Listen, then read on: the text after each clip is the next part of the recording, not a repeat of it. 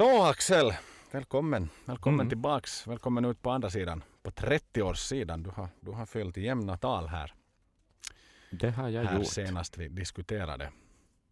Mm, det stämmer det. En, eh, ett riktigt lyckat kalas måste jag nog säga att jag styrde ihop med, med bra kompisar och sådär passligt liksom tömd på känslor efteråt. Sådär. Men eh, den sinnesstämningen kan väl kanske passa ganska bra i, i det vi kommer att, att diskutera idag.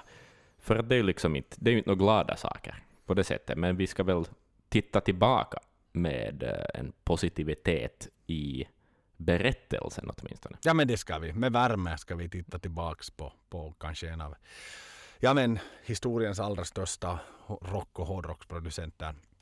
Törs vi väl Mm. nog säga när vi ändå liksom ser facit på hand. Och, och, på någon som inte arbetar ihjäl sig får man väl ändå lov att säga. Vi kommer ju till det under, under vägens lopp så att säga. Men han, han förstod att han, han körde inte på in i kaklet så att säga och, och eh, died with his boots on. Men det är en ganska, jag menar, jag minns när vi startade den här podden eh, för lite drygt Mm. ett år sedan och sådär och Maiden började komma upp i åren och så, så gruvar jag mig lite för vad som kommer att hända. Och nu kom det där Ja. som jag lite har gruvat mig för, nämligen ett dödsfall av någon som har varit Mm. i högsta grad involverad i Maiden. Ja.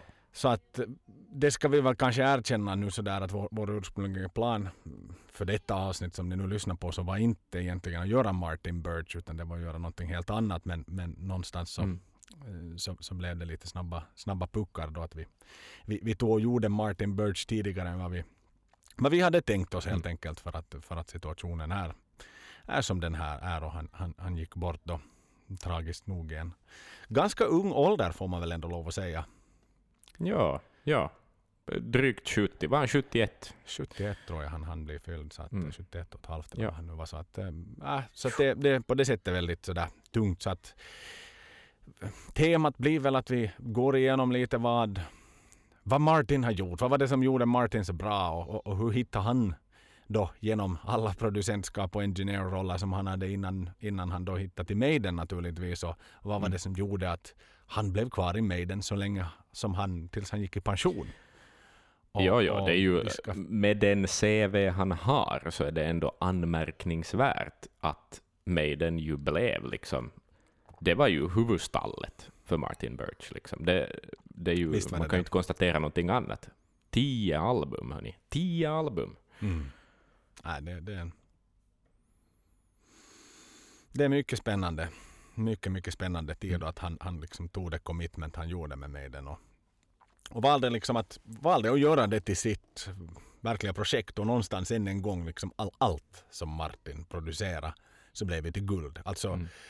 det är den tid vi romantiserar tillbaka till. De album som gjorde under hans tid. Nästan alla album. Vi diskuterar, kommer Mm. säkert att diskutera lite liksom produktionstekniska grepp som, som ändå skedde lite, lite hit och dit sådär sen under vissa tider. Men, men ändå liksom, han var med om the golden era. Han, det var han som gjorde Mm. Maiden kända tillsammans med Maiden naturligtvis. Ja. Men han var i allra högsta grad delaktig i det hela och, och, och hela den delen. Så det är nog, det, det är nog liksom en stor, stor tung person som har, har lämnat jordelivet får man lov att säga. Ja, Ja. så är det nog. Alltså det finns, eh, det finns en, en, det är en liten klubb med legendariska producenter, men där sitter han nog definitivt i den klubben. Liksom att det, det är inte jättemånga sådana här på det viset producentstjärnor som rockhistorien har hostat ur sig, men, men det där, han är nog... ehm, mm, han är definitivt vid det bordet, så att det där... Ja. Mm. Men... Ja, det är eh, fint. Man, mm. Jag någon gång brukar leka med tanken sådär att säga att han hade fortsatt producera musik och, och varit den typen av arbetsnarkoman som ändå många musiker och människor i den branschen är så att säga som, som inte kanske bryr Mm. sig om pensionsålder och så. Så, så hade det ju varit jäkligt spännande att se vilken, vilka band han hade kanske lyft upp efter Maiden. Liksom, vem hade han hoppat på? Mm. Hade vi, vi har ju varit och tangerat det där ämnet många gånger. Det där liksom, vad händer sen ämnet så att säga. När Mm. dessa, all, alla typer Mm. av legendariska rockband blir för gamla.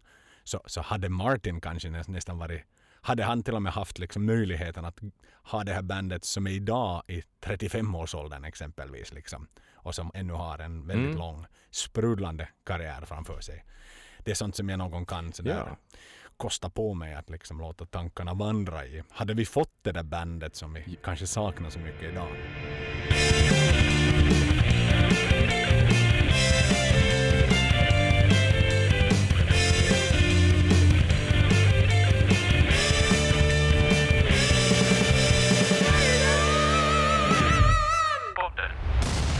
Men ehm, Martin Birch, om vi, om vi ger oss i kast med vem, vem, vem Martin Birch egentligen var, Mm. uh, så, så kan vi ju gå igenom lite grundläggande fakta först. Han är då född 27, föddes den 27 december 1948 i Woking, Surrey Mm. i England naturligtvis. Och Woking ligger i den sydvästra delen av Storlondon. Strax under 40 kilometer från innerstan. Staden i sig är inte hemskt stor. Det bor väl runt 62 000 människor där i staden. Är det inte lite som Vasa det ungefär? Det är ungefär lite, ja, strax mindre ska jag nog säga ändå, med stoltheten i behåll. Mm. Exakt. Ja, men vad fan, det är bra att veta att han kommer från en stad som du och jag så att säga. Kunde hitta att, i. eh, Mm. när han hittar hem så att säga. Det Precis. kunde han nog göra. Ja. F- förutom Martin då, jag blev lite nyfiken att se vad Woking har spottat fram för, för kän- kända personer. Mm. Så kommer faktiskt eh, Ron Dennis. Han var ju tidigare ägare och VD för McLaren. Aha. De som då tävlade, eller tävlar än- ännu i Formel 1 men då på den tiden när Mika Häkkinen bland annat. och. David Coulthard var stora, stora stjärnor och de på riktigt konstant tävlar med Ferrari så, så var ju han en väldigt liksom, känd person i Formel 1-världen i alla fall. Mm, Så han kommer mm. från, från, från samma stad. Och, och, och Spice Girls gjorde faktiskt sin första inspelning i staden. Ja, så. Så det var de liksom som jag lyckades luska fram och sen lite annat löst folk. Men, men kanske lite som Vasa igen. att det- är nog verkligen Sådär, lite som ganska Vasa. begränsat när man går in på Wikipedia och tittar på liksom kända personer härifrån. Ja, men man är stolt över det lilla som finns. Ja, ja, ja det är man ju verkligen. Mm. Det är man ju verkligen. Så att eh, på det sättet så, ja, en stor företagsledare och en ännu större producent lyckades Mm. staden Woking spotta fram. Så det är ju fantastiskt, fantastiskt eh, duktigt i alla fall. Sen var det ju som sagt bara 40 kilometer från, från eh, Londons innerstad så att säga. Så det kanske inte riktigt går att likna med sådär Vasa och vad ska vi säga, Metropolitan Area Helsingfors. Nej, Du får sätta en extra nolla så börjar du vara i närheten av liksom det här pendlingsavståndet. så är det. Det vet du ju mer än jag så att säga som åker dit rätt ofta. Ja.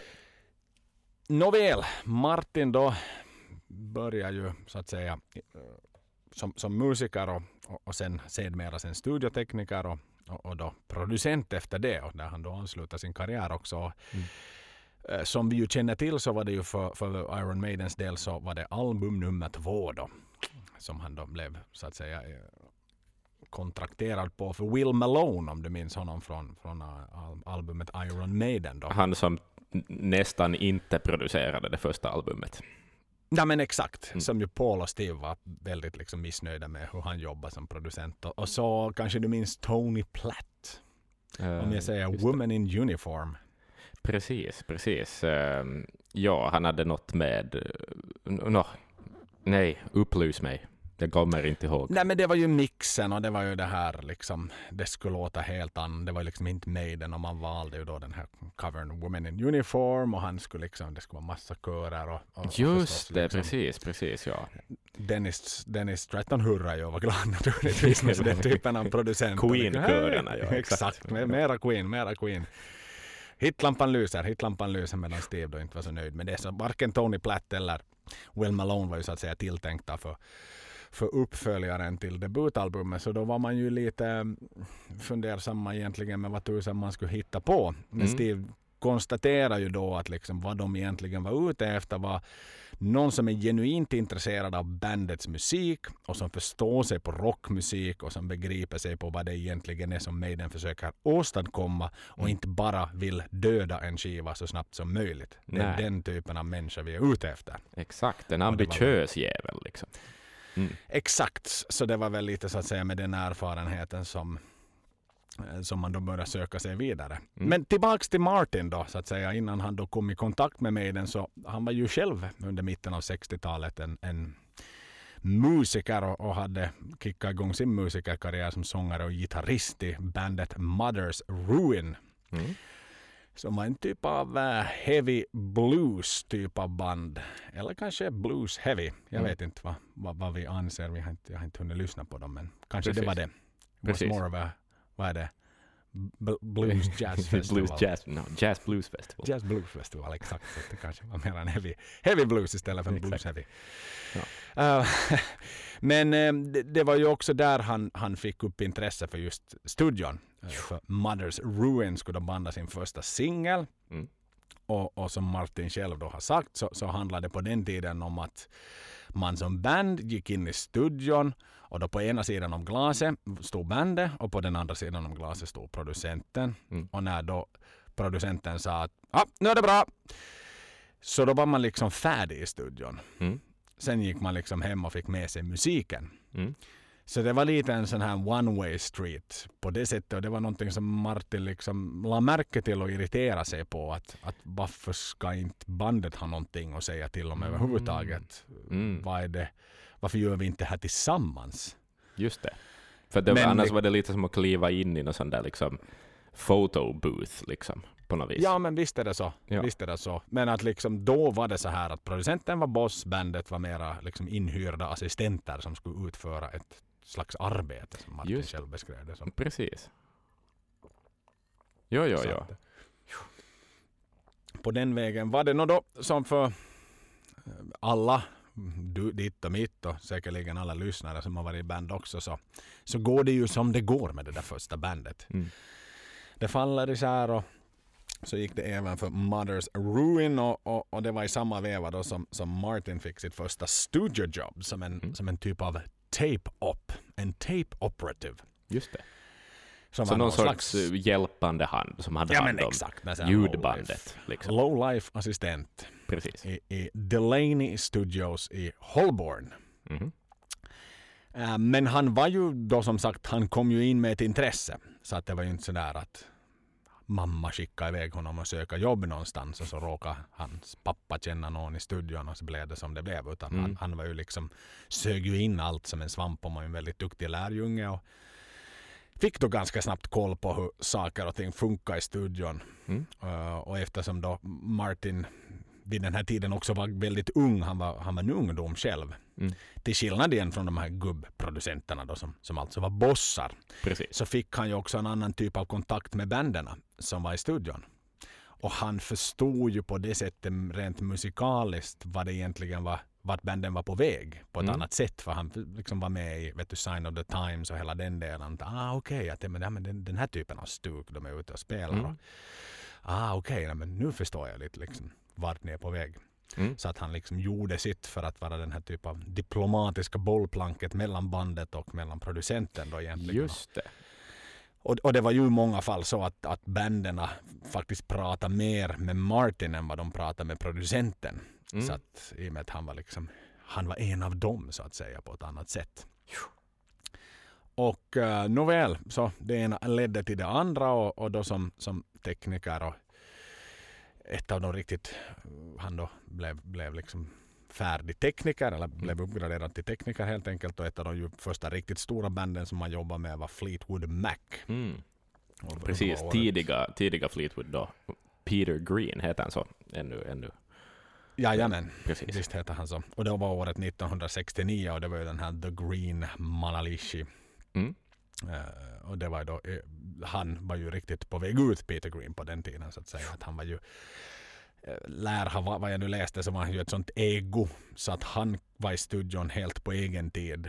Mm. Och sen kom bandet in och gjorde sitt. Och han var ganska så här liksom upp i drogerna så han var väldigt liksom svår att jobba med. Att Just så det. paranoid och, och Han, vill, han ville väl ursprungligen att hela bandet skulle heta Peter Greens Fleetwood Mac också. Att han, han kanske var Aha. lite sån, en, en sån här, eh, ja, speciell egoistisk Lite konstnärssjäl. Ja, Rising Force, exakt. Precis. Exakt.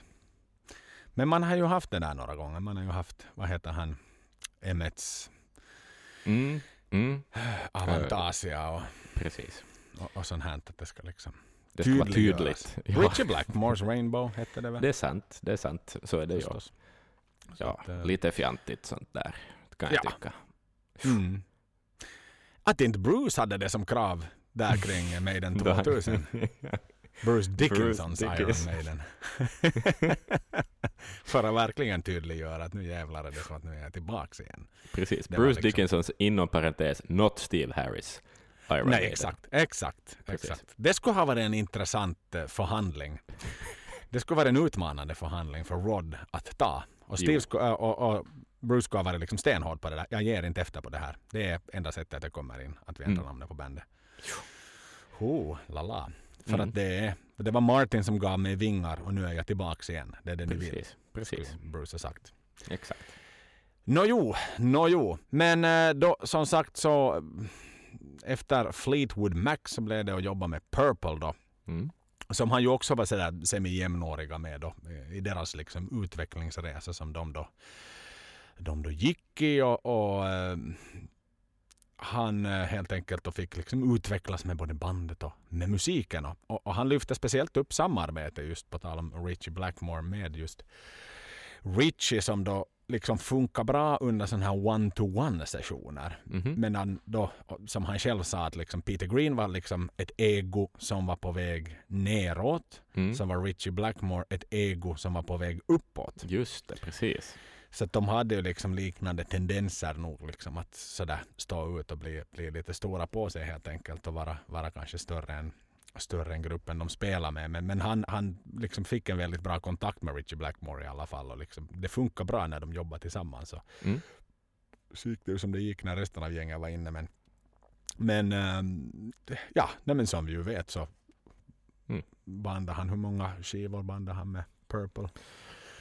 V- väldigt, väldigt många ännu in i mitt medlet av 70-talet, så så det är ju nog, eh, det måste ju vara en 6-7 album åtminstone. Mm. Ehm, ja, alltså och, och de bästa, Machine Head, eh, Burn, vad har vi annat, första den här eh, med Speed King etc. Ehm, ja, så där, In Child Rock in heter den ju förstås. Ja, exakt, precis. Exakt. Mm. Ja, så att det bästa alltså. Det, så är det ju. För då var det ju så att det var ju Purple som proddade själv, så han var ju som en engineer där, medan Mm. studiotekniker. Eftersom de själv liksom krediterar sig som producenter. Precis, ja, exakt. Ja. Det är därför han liksom är bara, så att säga bara krediterad som, som tekniker. Ja, exakt ja. Men Mm. det fanns liksom in, inte någon på en högre stol i studion så att säga som bestämde. Nej. Utan det var bandet själv. Mm. Eh, Och det var ju då, då i samband med, jag tror att han satt och lyssnade på, på vad det nu, Burn eller Machine Head som han, han blev orolig för första gången har han sagt. Mhm. För han satt kvar ensam i studion en kväll och, och lyssnade igenom låtarna och, och fick den här liksom, någonting är fel-känslan väckte in, väcktes inom honom. Mm. För att det kan ju inte låta så här bra, konstaterar han. Wow. Och sen var liksom facit var att helvete, det låter så här bra. Men han liksom fan, trodde ju inte liksom på att wow, hur fan kan det vara så där? Och det, då han utvecklade det mycket, mycket välkända öra som vi Ja men det är därför vi sitter och pratar om Martin Ja, just ja, ja. idag, så att säga. För, för vi vet vad han har en, vad han är kapabel till. Ja, förmåga och jag, och jag menar. Machine Head är ju liksom eh, Ja, de- den är liksom i en egen kategori av klassiska rockskivor. Liksom. Mm. Så att det är ju... eh, Det, det, ja, mm. Nej men jo, Mm. galet bra låtar finns det på den. Så är det. Det är nu Purples Power Slave. Det är, det är ju exakt vad det är. Det är ju exakt vad det är. Det är, det är ambitiöst och stort och varierande och håller från början till slut och liksom, ja, nej, ja. Purple Mm. är liksom, pur, Purple är ju nog svinbra. I min egen bok så har jag nog alltid tyckt nästan mer om Purple än, än eh, till exempel Led Zeppelin om vi nu ska välja samtida band sådär, Mm. eh, från samma örike. Men, eh, mm, Ja, nej men de är ju, och de kan ju svänga när det svänger. Det är ju vad de kan göra. Nej, jag är ju också, det är ju liksom var ju för min del, vi pratade lite här innan vi tryckte på inbandningsknappen om, om eh, också nu är jag med att Martin gick bort och vi skulle banda det här avsnittet så satt jag och lyssnade igenom både Burn och, och Machine Head äh, här Mm. tidigare idag och, och liksom konstaterade lätt varför jag har tyckt så mycket om Purple och fortfarande naturligtvis tycker om dem men jag lyssnar mycket aktivare Mm. för många år sedan på Purple men liksom hur, hur, hur varierade och och jäkla svängiga och, och tajta Mm. musiker de är i gruppen. Alltså det är, och, så att sådär wow. Det är ju nog en, en, en massiv resa för honom någonstans att liksom ha fått dels jobba med Purple och sen såklart jobba med Maiden. Ja, ja, ja. ja. Ö- Och där är ju också, det, det ska väl nog som sägas att sådär, då han kom in i Purple, eh, att, att Purple var ju inte något enormt band då, utan det var ju ändå ett band ganska sådär i början av vad som skulle hända. Så att eh, också där på något vis bara som en slump att, att eh, med facit på hand i efterhand och liksom sådär, vad som hände sen, så liksom att man får chanser att jobba med sådana band är ju... Mm, det, Visst är det så än Coolt. idag liksom såklart att Purple då än idag finns kvar såklart. S- Så att bara en sån sak. Och sen förstås nåja, White Snake och Rainbow sedermera och Black Sabbath liksom. Jag menar Mm. sådär komma in på det men, men jävlar. Det, det, är bara, det är bara att lyfta på hatten. Det är fan Ja. bara att lyfta på hatten. Och då det här liksom igen liksom pre-Maiden times i stort sett. Som Mm. vi pratar allting här. Ja, precis. Så att, what the hell. Men mm. nåja, för att liksom gå in på det här är en Maiden-podd primärt så att han fick då hu- hu- hur connectades liksom dotserna till Maiden. Mm. Ehm, Så som alla andra har han själv sagt, han läste Sounds och där läste han om att eh, eh, Maiden skulle gå in i studion och de skulle banda sitt debutalbum med Malone. Mm. Han var, och, och gjorde slut, slutdelarna på Heaven and Hell-skivan då och, och var liksom oerhört sugen på banda Maidens debutskiva och, och liksom hade väl hört lite och sådär och blev lite fundersam varför ingen frågade, ingen från Maiden hade ringt honom. Mm. Och så blev han så men fan, ska, jag- kanske jag ska ringa Maiden. Ah, näst, nästa gång gör jag det, så ringer jag Mm. Maiden. För det skulle vara kul att jobba med dem. Mm. Och, och än en gång blev han då påmind om, om Iron Maiden när han under sin tid i New York, där han då bandade den här Cultosaurus Erectus med, med eh, Blue Oyster Cult. Mm. Eh, så blev han inbjuden att hälsa på Richie Blackmore som då bodde på, på Long Island vid den tiden. Och, Mm. eh, och Richie spelade upp då debutskivan för, för Martin, det vill säga Maidens debutskiva. Och, och liksom, har du hört det här? Frågar Mm. Richie. Och Richie gillar skarpt gillar han Maiden. Han tycker det är Aha. en jävligt bra skiva. Och så Det hade jag ingen aning om. och, tänk. Och, nej, exakt. Och så frå, liksom bara jävligt kredit alltså. Det är så jävla kredit. Ja, ja, ja, ja, jag fattar det. Richie Blackmore. Han är ju Spel. som så diva så att jag förväntar mig inte att han tycker om någon annan musik än sin egen. Nej, nej. Men på det är något stort vis. då. Liksom. Ja. Wow. Och han var liksom, hej Martin varför, varför ska inte du göra Maiden? Borde inte du göra Maiden? Mm. Och, och, och sen lyssnade de då på Will Malones arbete och han visste liksom, vad fan det där kan jag göra bättre. Jag kan Mm. göra jobbet bättre. De har en potential men, men fan de får inte ut det riktigt fullt med, med Will Malone. Mm. Och då, då kom det ju sig så när han kom hem från, från New York att Ralph Simon då, som jobbar på Somba Music som de ju också förstås eh, vi känner till genom att det var Maidens bolag men, men också hade hand om Martins bokningar generellt liksom och placera honom då bland olika band eller kom med olika förslag till, till Martin helt enkelt. Så, så ringde jag upp och frågade att Martin att hej att eh, Maiden söker en ny producent. Att, Mm. Hur skulle det vara? Skulle du vara intresserad? Och det var ju någonstans där liksom som, som the dots började connecta. Mm. Och, och sen ska det ju sägas här att liksom Steve ville ju jobba med Martin redan på första skivan. Just det, men, precis. de, men de hade ju ett mindervärdeskomplex. De var ju liksom eh, nej, inte kommer, hur skulle Martin jobba med oss? Vi är ju Mm. ett liksom litet debutband liksom, han jobbar ju bara med de stora stjärnorna. Men, men, Mm. Så det var intressant då, medan då Martin var så nej men varför ringde ni inte mig till första skivan? Så att sådär, klassiskt sådär vet du, fråga. Ja. Ja, ja, ja. Nej, men där är det ju. Men det är ju också... Förstås har de ett mindervärdeskomplex. Jag, jag menar, alla band som släpper en första skiva måste väl ha det. Men det är också ett kul bevis på något vis att kanske det inte handlar så mycket om... Nå visst är det slump och lite vem man känner, men att på något vis också ett sånt härligt bevis på att om musiken är tillräckligt bra så händer det nog oftast grejer som är bra för en då också, Mm. vet du. Ja, Att- ja, ja. Sådär, och det, det är ju väldigt inspirerande på något sätt. Visst är det det. Och Ännu är det inte över för dig och ditt Stratovarius warm-up band. Liksom. Bara ni gör en riktigt bra skiva ännu, Joel, så Ja, kan ja, det ja. hända. att Kanske inte Martin någon. Birch, men liksom Kev the Cave kanske ringer. Caveman Shirley kanske ringer faktiskt. Mm. För då blev han ju då liksom bjuden, bjuden då backstage till, eh, han, han såg bandet första gången kring jul på, på Mm. The Rainbow. De hade någon julshow där. Så där. Det låter Maidens julshow på The Det Rainbow. vill jag gå på. det, det tycker jag faktiskt skulle vara ett det. fint spektakel. Liksom. Ja. Paul Diano med en jultomtemössa och delar ut lite. Sen, eller sen det blåser ut sån här låtsassnö i publiken. Och Mm. det är faktiskt ganska, en ganska mysig tillvaro tror jag i Ja. alla fall. Och, och, och grejen var att han ville liksom kolla att är de lika bra som skivan. Mm. Det var det, det han liksom ville syna. Men sen konstaterade han att fan, de, de är tio gånger bättre Mm. live än vad de är på den här jävla skivan. Det här är ju helt galet vad de här är tajta. Mm. Och liksom konstatera att det här är, det här är hands down det bästa jag sett på mycket, mycket, mycket lång tid. Mm.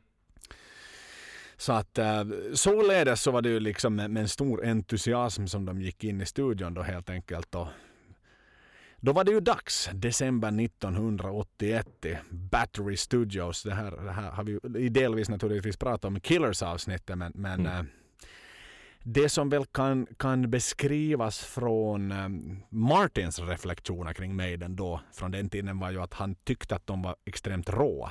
För som Mm. vi ju vet, de hade ju spelat de här jävla låtarna från skiva 1 och från skiva 2 sen 70-talet Maiden. Ja, ja, ja.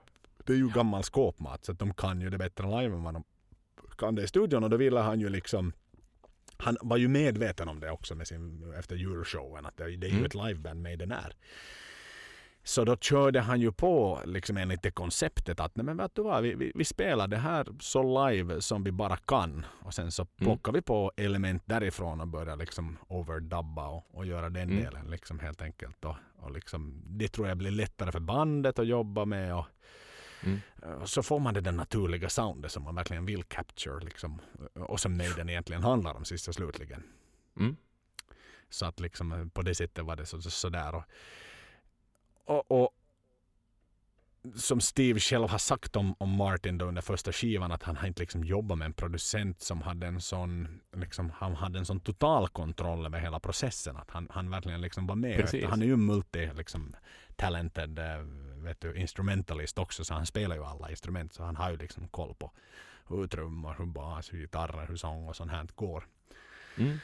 Så att på det sättet fick han ju liksom väldigt sådär bra, väldigt bra liksom dynamik med bandet helt enkelt. Och, och, och sådär förstås, Steve har alltid final say. Men, men eh, Mm. som, som Martin själv har sagt att liksom att i 99% av gångerna så tycker vi faktiskt samma sak. För vi är liksom båda Mm. ambitiösa. Och, och, och hela den delen. Och, och han hade någonstans en magkänsla av att fan det här kan nog bli den stora nya Deep Purple på något sätt. Sådär. Mm. jag hittade någon gammal eh, intervju från 1983 i ett franskt magasin som heter Best Magazine. Då strax Mhm. efter att eh, Peace of Mind hade getts ut. Där man då frågade liksom att eh, för många tyckte väl kanske att Maiden var Purple number two på Mm. något sätt. Så han hade jobbat länge med Purple och det var liksom den nya generationen. Liksom mycket fokus på instrument och, och Mm. lite så här rhythm changes och liksom fast melodies och hela den delen naturligtvis. Men eh, han var liksom inte alls enligt den åsikten utan han, som han själv då också i den intervjun sa, sa att det här var den här energin och den här attityden som han Mm. inte har sett i väldigt många band tidigare. Att, att det kanske påminner mig delvis om en tidig Purple. Men Mm. liksom den här attityden mot rockmusiken är väldigt annorlunda än vad Purple hade. Och, och, och jag Mm. skulle själv säga liksom att anledningen till att jag då tog det stora steget till att jobba med Maiden var, var för mig att få en typ av exit från Purple. Just det. Att han, han upplevde väl själv att hans roll kanske hade liksom växt ut. Han hade inte så mycket mer att bidra, bidra till hos, hos Purple. Han hade tömt Nej. sig och tömt Nej, sig. och, så är det ju, och det blev ju också med Purple och hela det stallet och vad som hände. Alltså det, Purple har ju bytt, bytt line-up jättemånga gånger och folk gick vidare till andra projekt. Och, och just det, det är ju en re, resa han gick igenom någonstans också. Att det där började med Purple, sen eh, kom David Coverdale in, de bytte sångare. ehm, och eh, sen blev Rainbow till då Richie Blackmore hoppade av, där via kom Dio och sen, tillba- sen vidare till Sabbath. Att, liksom, att de, det, det splittrades ju på något vis, hela stallet, väldigt snabbt och säkert mycket viljor och sånt här. Liksom att, att där ändå på något vis Maiden var, var sammansvetsade på något vis. En, en sak som artiklar har låtit mig förstå i alla fall. Sådär. Och, Säkerligen, säkerligen och igen liksom som, som sådär, det vet vi ju vid det här laget att Steve är ju den stora konstanten. Liksom folk har kommit och folk har gått och som vi var inne på i föregående avsnitt så jag menar liksom det har inte hänt en, en line-up change på Mm. 2000-talet i Maiden utan sådär Visst, man testade sig fram och det, var, det krävdes en del liksom uppoffringar och det krävdes lite liksom variationer och lite byten för att liksom hitta that Maiden sound. Och en annan sak som eh, då Martin liksom poängterade till denna franska journalist i och med att han då Mm. verkligen pressade Martin för att nåja, nu ska jag avslöja det med byxorna nere. Allt du håller på och gör nu är en Iron Maiden eller en Deep Purple 2. Erkänn det. Erkänn det. Erkänn det. Säg sanningen. Säg sanningen. Men, men han sa på ett avslappnat sätt att de är Maiden är mer konstanta, Maiden är mer kompakta. De, de håller inte på med sådana här tråkiga 20 minuters gitarrsolon och sen följt av keyboard och sen följt av trumsolon och så här som det var Mm. på Purple-tiden. Att nu är de, och, och, och att de, de är mera kompakta i hur de gör musik. De, de tråkar inte ut publiken. Och sen den andra stora, stora skillnaden mellan Purple och eh, Maiden var att de har en helt annan attityd mot liksom världen utanför. De är inte, liksom, de är inte inne i det här kärnsystemet som han kallar det. ja, Utan de var väldigt tillgängliga och liksom framgång har inte gjort att det har blivit stora barriärer mellan liksom dem och fansen och dem och pressen och dem och vet du, Mm. producenten och hela den delen. Utan Maiden har alltid varit någonstans liksom down, fötterna på jorden. Och igen, ett citat som vi alltid någonstans ramlar in på med Steve. Stick to your guns liksom. ja, exakt. Att, att de har det klassiska, glöm inte varifrån du kommer. Så att det var på det sättet Nej. väldigt lätt. Och sen, Ja. och sen handlar det ju väldigt mycket om det här som han ju också poängterar, den här relationen mellan band och producent. Att det måste vara konstruktiv. Att det, det liksom, du kan inte komma in och bara göra en skiva för du lär aldrig känna bandet. Du får inte ha Mm. liksom ansvarskännedomen på det sättet om du faktiskt Mm. bara ska göra en skiva. Då blir det det där verkligen producenten som var boss och bandet på andra sidan Ja. fönstret. Du, du, du blir ju ett team igen. Det är ju det det handlar om och det var ju väldigt mycket liksom det som, det är ju det som Bruce också har sagt att han var ju mer av en mentor och nästan en liksom psykolog snarare än, någon Mm. typ teknisk studiogubbe som bara tryckte på knappar och liksom visste exakt Så är det ju. Ja. Liksom om vi bara kommer in på liksom rollen vad en producent har. Liksom att det, det kan ju vara lite luddigt och det kan vara väldigt, väldigt varierande. Att somliga producenter är sådana som Uh, no, ursprungligen så handlade det väl om att man ungefär håller koll på att budgeten håller, men att sen har det ju utvecklats till någonting mycket, mycket bredare än det. Och, och idag är det ju... No, alltså Martin Birch var väl där också ganska modern i, i det att han, han också kunde mixa, han kunde utrustningen, han kunde allt det där praktiska. han hade gått den skolan upp så att säga. Ja, precis, exakt. Och liksom var inte någon sån här kostymnisse som var inskickad av skivbolag, utan mer liksom faktiskt kom från fabriksgolvet själv, om man nu drar sådana jämförelser. Mm. Liksom. Ja, och, det, och att, att det är ju mer som att han tog den där moderna producentrollen som faktiskt som ett, ett kreativt bollplank. Liksom. Um, och lite liksom ha helhetsbilden och, och, och en vision och förhoppningsvis är gänget med på den där visionen uh, på något vis. Och, och sådär. Lite, lite som en filmregissör. Alltså visst går det att göra en film utan en regissör om det finns ett manus och en, och en uh, liksom shotlist och kamerapersoner och, och liksom allt sånt här och klippare. Säkert får du ihop en film utan en regissör, men det är ändå jävligt viktigt att den finns där. Liksom. Så det är ju det är lite där det är på något vis, Produc skivproducenten. Absolut, nej men nog är det ju så. Mm. Och, och någonstans så här som han ju också säger med att eh, line-up change egentligen som han pratar mycket om här i, i den här intervjun också att det för det mesta är det en väldigt liksom bra sak för att det, det ger en, en typ av utveckling och, alla nya i bandet så kommer ju in med någon typ av liksom fräschör och, och, och, och, ett, Mm. och någonting till ett nytt album och, som han då poängterar liksom att Adrian Smiths det han bidrog med till Killers Eh, och, och eh, tittar vi på liksom det som The Bruce i sin tur bidrog med när Paul försvann Mm. så, så jag menar han som producent såg ju det som ren och skär liksom vet du wow vilken vinst som producent att få in få in Bruce i bandet istället liksom Mhm. för att nu, Mm. nu, nu har vi liksom helt andra kreativa möjligheter nu kan vi, vi kan jobba på helt andra nivåer verkligen Jo, jo, vi har bättre verktyg. vi har liksom, mycket bättre sätt. verktyg. Exakt, jag menar det är inte som att liksom, det är inte bara det att mixerbordet är uppgraderat till senaste och dyraste varianten utan nu är det ju på riktigt så att nu har liksom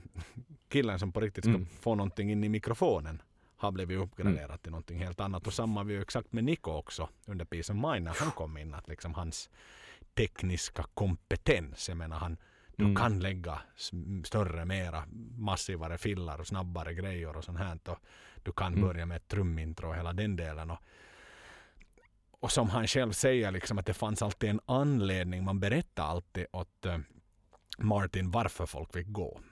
Så att han liksom Mm. förstod, det var inte som, han, han gjorde en liknelse där med Rainbow för då kom folk och folk gick och liksom, han hade aldrig någon Mm. anledning om att varför den här nya killen här och varför inte han kvar mera. Liksom att det, Mm. man bollar nästan idéerna med Martin så, där, så att han, han, han liksom förstod sig på logiken i bandet.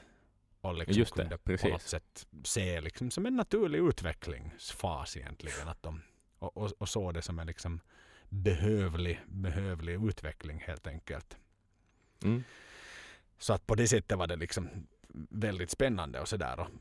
Så att jag menar han Sen behöver man ju gilla bandet som han ju också säger att liksom Mm. At the end of the day man ska liksom kunna ha, ha ett gott skratt. Man ska göra ett hårt jobb men, men det är ju en relation liksom för nu Mm.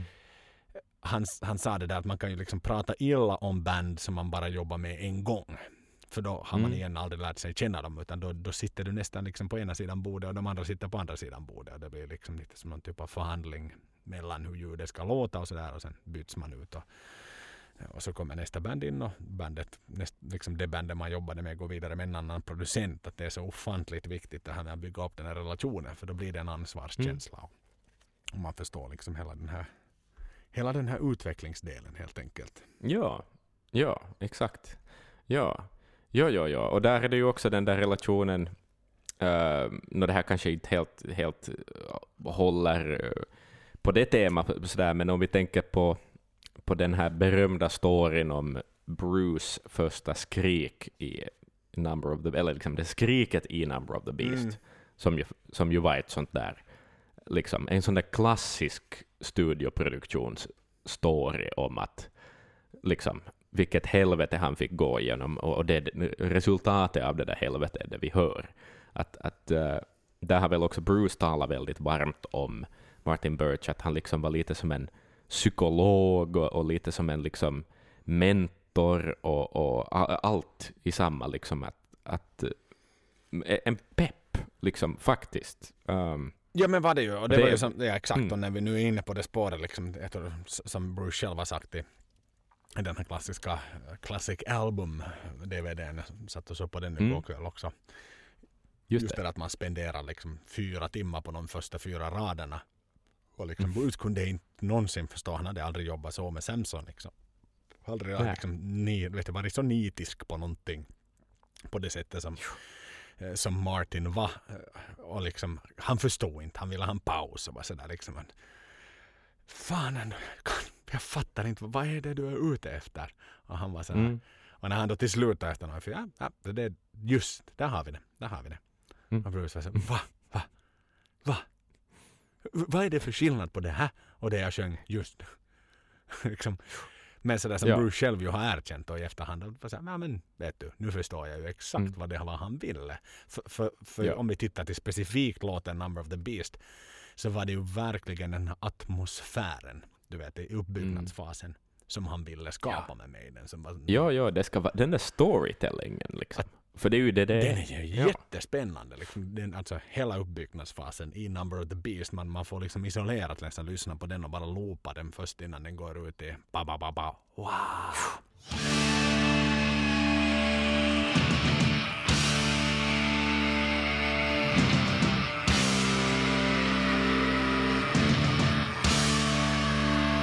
Precis. Det, det, det är så stort och det var ju det som, som som ju också var en stor lockelse för Bruce att överhuvudtaget komma till Maiden var ju det att han, han hade vetskap om att Martin också skulle producera nästa album med Maiden. Mm. Så det var ju liksom en sån här ytterligare en, en, ett vedträ på elden så att säga. Att, mm, wow, det är ju liksom mina idoler som han har jobbat med.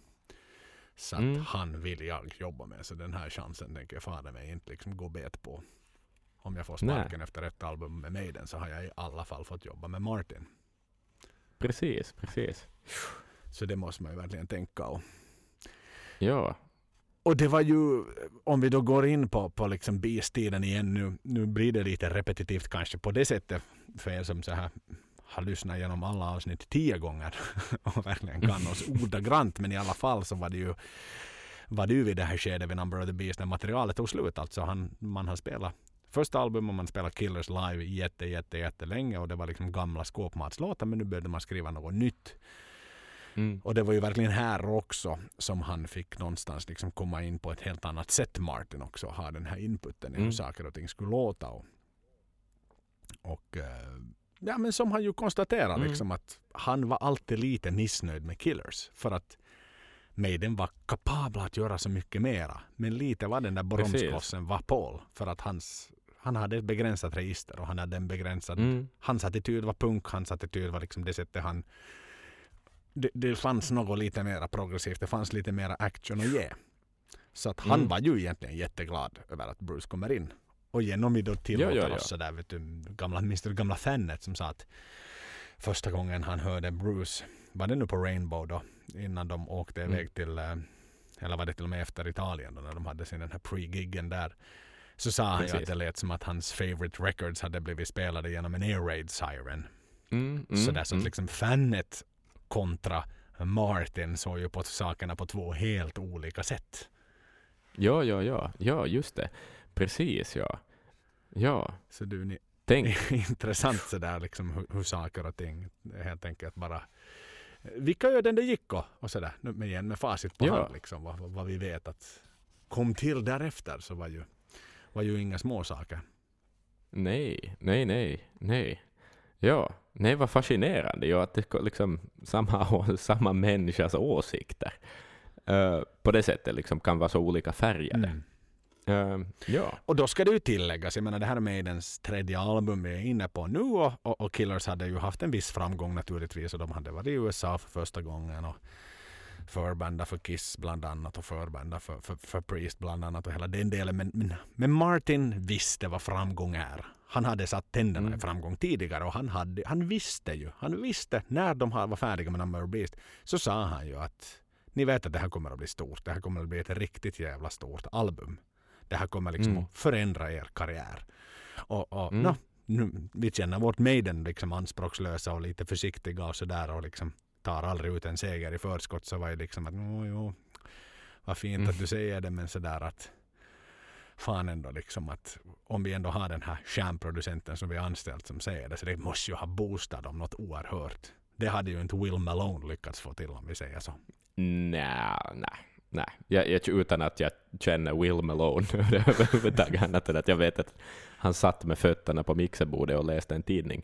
Men, men ja, eh, tänk, det är ju, vi tänk vilket annat sorts producentskap det är. Mm. Liksom bara. Att man är en del av teamet, man är på samma familj, liksom. på samma lag Mm. och en del av det. Det är ju det det handlar om. Exakt, exakt. Mm. Och som han själv då konstaterar liksom att nu, nu har man liksom man har kommit in i nya kreativa territorier. Det är inte gammal skåpmat och man, man, man är villig att ta risker. Och de här riskerna börjar mm. äntligen liksom betala av sig. Och, hela det, och det, var ju, det var ju, vi ska aldrig glömma att det var Martin som satt Run to the Hills. Det var han som valde singeln. Ah. Vilket också var sådär. Man, man, man, Okej okay, Martin, du är stjärnan, välj singeln. Och, och hur nöjda ja. bandet var efter. Liksom, att fuck yeah, liksom, fan att yes, yes, yes, yes, han valde mm. rätt låt. Helskotta vad den här flög. Fan vad den här gjorde oss stora idag. Ja. Så det är ju liksom, ja men det, det är så, så satans roligt liksom att sådär klockorna klämtade rätt. Sen minns du den där episoden för de hade ju så jävla bråttom att klippa den där skivan. Och sen hade ju mm. Rod ställt till med någon sån här jävla bolagsfest för att ha någon sån här pre-listening party. Medan han ju satt mer eller mindre liksom hela natten igenom fram till festen. Mm. Och så kom ju han liksom inrusande stackaren vet du säkert inte duscha på flera dagar bara suttit där i studion och liksom se fyrkanter med ett exemplar om man spelar upp några låtar där. Och, och Steve plockade honom åt sidan efter och var sådär att Alltså fan, inte det här är ju riktigt jävla bra, sa ju Steve åt honom. Och han var ju såhär, men hördu vet jag kan inte hålla med mer. Men tiden tog slut. Det var Rod som skulle ha mm. den här festen nu och nu skulle låtarna spelas. Så det här var liksom allt vad jag kunde. Mm. Och det var ju då som Steve liksom var knacka Rod i ryggen ungefär. Hördu, ska du vara vår manager så får du nog fan med sig till att fixa lite mera tid så vi hinner liksom mixa den här skivan mm. rätt. Sådär. Vitsi, hur lät den där första mixen? Ja, det ska vara jäkligt spännande att lyssna på. Tänk faktiskt. om den finns någonstans. Det Tänk om den måste finnas finnas någon typ av, av variant mm. på det. Det skulle vara jävligt spännande ja. faktiskt. En shout-out till alla där. Finns det någon som känner någon som känner någon som känner någon som vet hur den där mixen på Rods lilla bolagskalas lät? vet du Joel vad den är? Vet du vad den är? Nej. Den är i Eddies torso. den gömmer sig exakt som i stolen. Det var där liksom ja, hemliga exakt. kassetten. Topphemliga utrustningen. Där, där är den. I Eddies torso väntar den. Exakt. Mm. Så att de jävlarna har den. Nej men hur som haver så det var ju liksom en, en, en, en eh, jättestor liksom Alltså, det är jävligt roligt att liksom, de synkade så bra ihop där. Och det var ju då i samband mm. med det minns jag som vi pratade om, om Number of the Beast avsnittet. Där man då satte också upp de här skyltarna utanför studion att managers får inte mera komma hit och, och hälsa på. hälsa på överhuvudtaget. Så att, äh, ja. Nåväl, Number of the Breeze då. Vi vet ju alla vilken framgång det blev. Och sen, sen kom ju då liksom Rod. För då började de ju bli lite kända och var sådär att mm. Martin, nu, nu kan vi inte längre banda någonting i England. Nu måste vi fara utanför England. Mm. Vart kan vi fara? frågade Martin. Och, och, de hade några, några alternativ. Då. Det var ju Air Studios i Antagua och sen var det ju då um, Compass Point i Nassau. Och so, liksom solid producer som han är så åker han ju till båda först så det på en rekognoseringsresa. Mm. För att kolla runt och, och var ju sådär, mm, jo Compass Point är nog lite bättre, så dit far vi. Mm. Men sen tillägger han ju då att han hade ju fan så mycket hellre varit till exempel i New York eller i Los Angeles. För att det hade varit liksom bättre att få tekniska resultat där. Att det var Just ändå det, ganska precis, sådär vet du, bare bones liksom på grejerna i, mm. i Bahamas då. Men det var soligt och den var ja. tillgänglig så.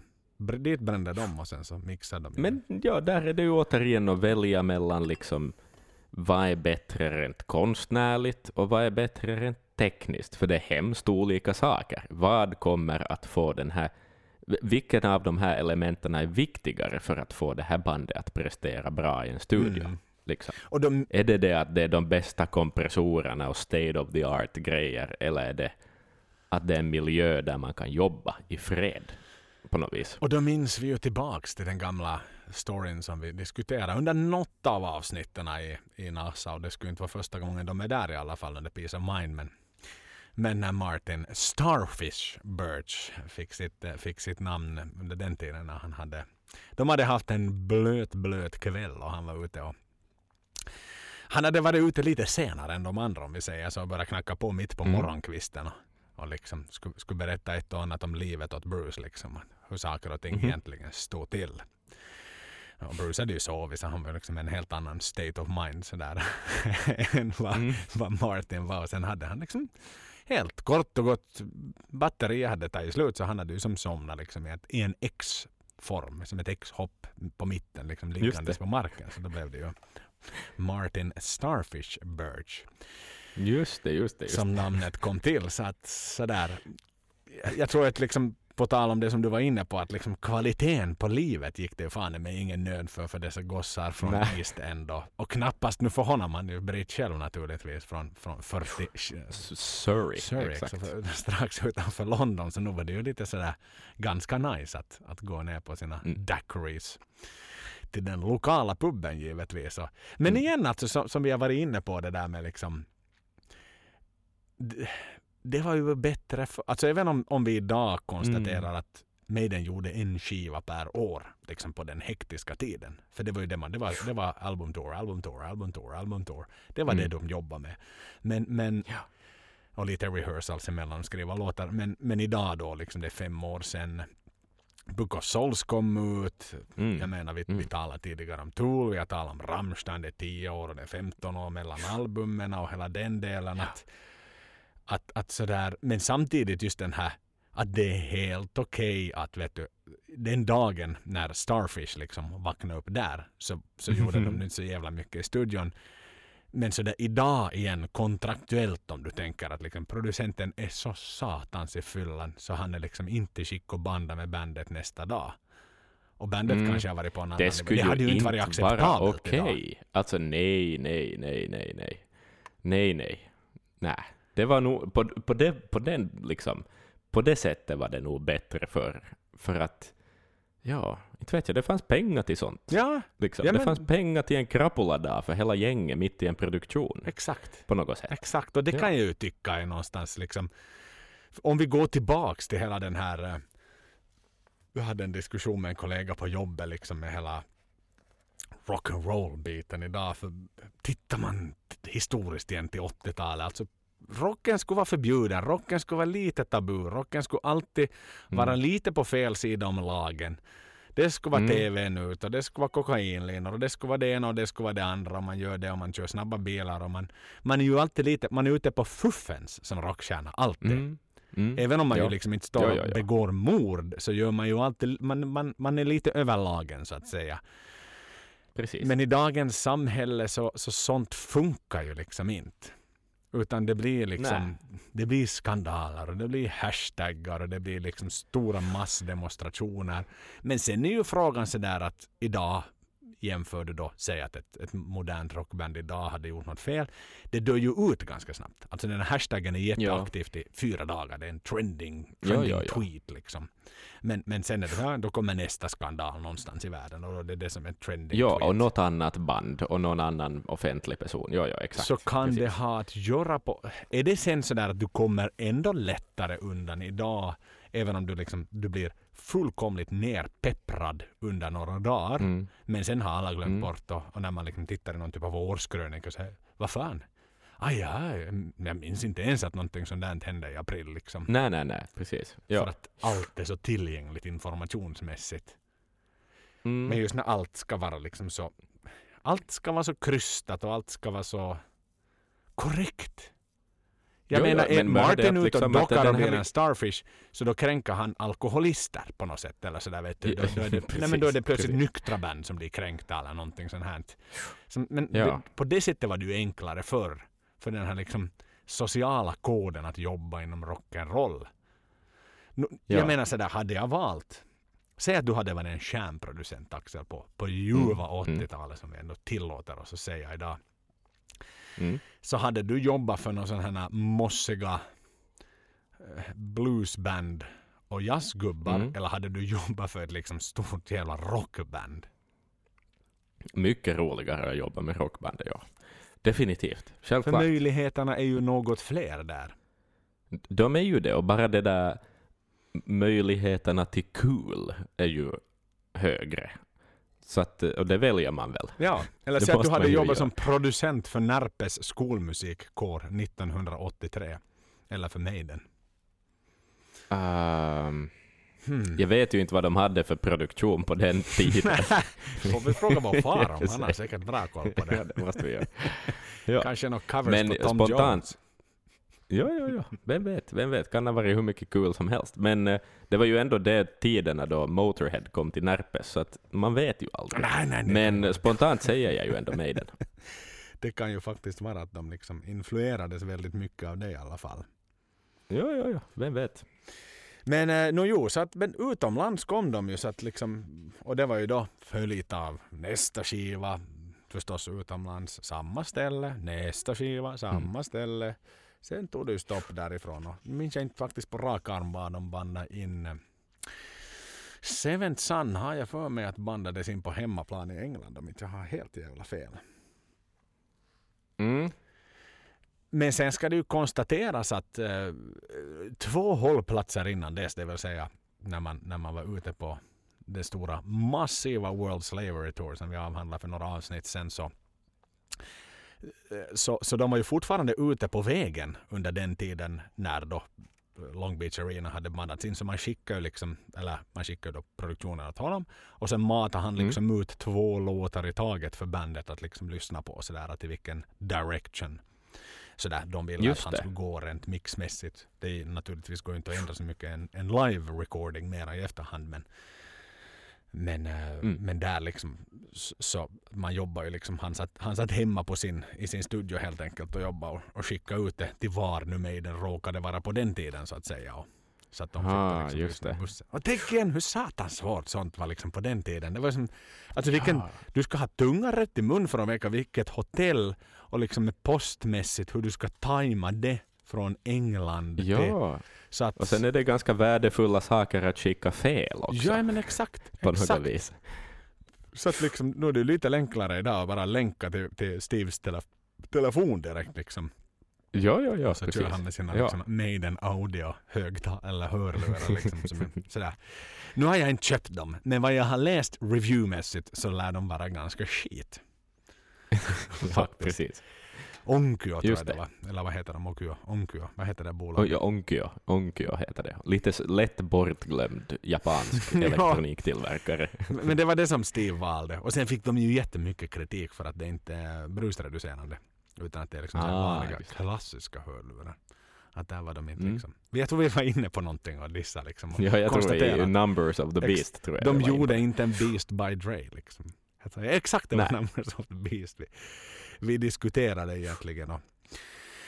E- en episod som jag vill stanna till vid är väl egentligen Seven... De borde ju ha hett Beast by Eddie, borde de ha hett. En episod jag ändå upplever att jag gärna vill stanna vid i det här fallet så är ju att eh, vid Seven, eller vid eh, Somewhere in Time då, som vi alla känner till. Bruce hade gått in i väggen, idéerna kanske inte riktigt flödade. Eller Bruce hade ju idéer, men det var ju inte idéer som överhuvudtaget var lämpliga för Maiden. Och, och det var ju den här tiden ingen riktigt vågade säga åt Bruce att hördu, di- ditt material är skit. Det finns inte någon chans att det ska finnas på, på vår skiva. Och, och- och Martin var ju i exakt samma liksom, åsikt som Mm. bandet. Att liksom, ja, ja, men det är säkert helt bra låtar men det är ju fan inte Maiden. För det var ju bara akustiska låtar som Bruce liksom ungefär Mm. vet du, satt sådär semi liksom med, en tvångsjacka på in the nut house liksom och plocka fram och plinka på någon gitarr och liksom, ja men det här ska vi spela med Maiden, det här är nya Maiden. För att han behövde re, liksom rekreation på något sätt och komma bort från Mm. heavy metal world tour som de ändå gjorde som var liksom, världens största metalvärldsturné säkert till dags datum. Men igen, Martin producenten var ju den, för ingen vågar ju säga åt Bruce att det sög. Men Nej. Martin var den som tog ansvaret. Liksom när de var ute och skulle banda. De hade åkt hela vägen då till Compass Point igen. Och var ju den som var sådär, hördu, det här funkar liksom inte. Det är helt okej Nej. låtar, men det här spelar, liksom det här, det här spel, det här är inte Maiden, det här är inte det, steg vi ska ta efter Powerslave. Det är så långt ifrån det Mm. steg vi ska ta efter Powerslave. Och samma var ju liksom, Adrian fick ju också lite reprimander där, bland annat med med Reach Out då, som ju var en B-sida som vi diskuterade i, Mm. i B-sidesavsnittet. Liksom. Inte det här ju var Maiden. Det här är inte det stel, det liksom, hit ska inte Maiden fara nu överhuvudtaget. Utan Nej. Nu ska vi fara vidare, nu ska vi fara vidare. Jo, jo, det var, men det var, ju, det var ju hans roll. Han, tog, han gjorde ju sitt jobb i det då. Visst är det så? Att diskutera den saken med Bruce. Liksom att det, det är ju därför han får pengar. Absolut, men samtidigt någonstans ändå så det i och med att det är alltid då, som vi känner till, det, det är Steve som gör den sista sign-offen på, på Mm, vilka låtar sant. som ska väljas. Och det är Steves band och även producenten är alltid medveten om att Steve har det sista ordet i bandet.